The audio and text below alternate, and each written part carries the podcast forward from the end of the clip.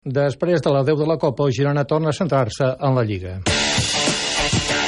El Girona volen sobreposar-se a la decepció de la derrota d'ahir per 1-0 al camp de l'Osca en la segona eliminatòria de la Copa del Rei de Futbol. I l'equip de Pablo Machín, després d'haver arribat a Girona passada les dues de la matinada, aquest matí ja s'ha entrenat. Se centra en la preparació del partit de Lliga que té diumenge al municipal de Montilivi a les 8 de vespre contra l'Almeria. Pablo Machín, que ha reconegut que el seu equip té molt marge de millora, també ha reclamat paciència pels molts canvis de la plantilla i ha dit això. De que llegue el domingo. Nosotros vamos a intentar la versión que, que hemos dado en nuestro único partido de la temporada en casa. Tenemos muchas cosas que corregir. Ayer me hubiera gustado haber pasado la eliminatoria, no pudo ser y ya te digo, a seguir entrenando, es pronto y seguro que muchos de los futbolistas que jugaron ayer van a ser importantes a lo largo de la competición para nosotros, de eso no me cabe ninguna duda. D'altra banda, la Lliga de Futbol Professional avui ha anunciat un canvi de data i hora del partit Girona-Reus de la vuitena jornada de Lliga. Estava programat pel dissabte d'octubre a les 6 de la tarda, l'han passat el diumenge 2 d'octubre a les 4 de la tarda. Els Jocs Paralímpics de Rio de Janeiro, l'Alet Olotí i Xavi Porres, després d'haver aconseguit la sisena posició de salt de llargada en la seva categoria T11, aquest cap de setmana té la segona prova, la cursa dels 100 metres llisos, amb semifinals demà i la final diumenge.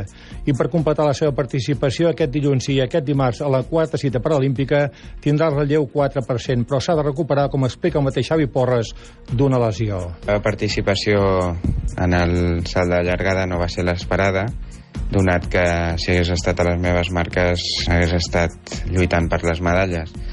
Em va costar molt entrar en competició, fins al quart salt no, no em vaig sentir còmode i competint, i en aquest salt, doncs, que va ser el millor, a l'entrada a, la, a la taula em vaig notar una punxadeta a l'abductor de la cama dreta i referent al 100, doncs, hem de valorar, he de provar, el diagnòstic no és dolent, no es veu res greu en, en l'ecografia que m'han fet però jo hi tinc molèsties i hem d'acabar de decidir tenint en compte també que el dia 12 està al relleu 4%. En tenis, el Campionat de Catalunya Absolut que es disputa al Club Tenis Girona, la d'avui a jornades semifinals.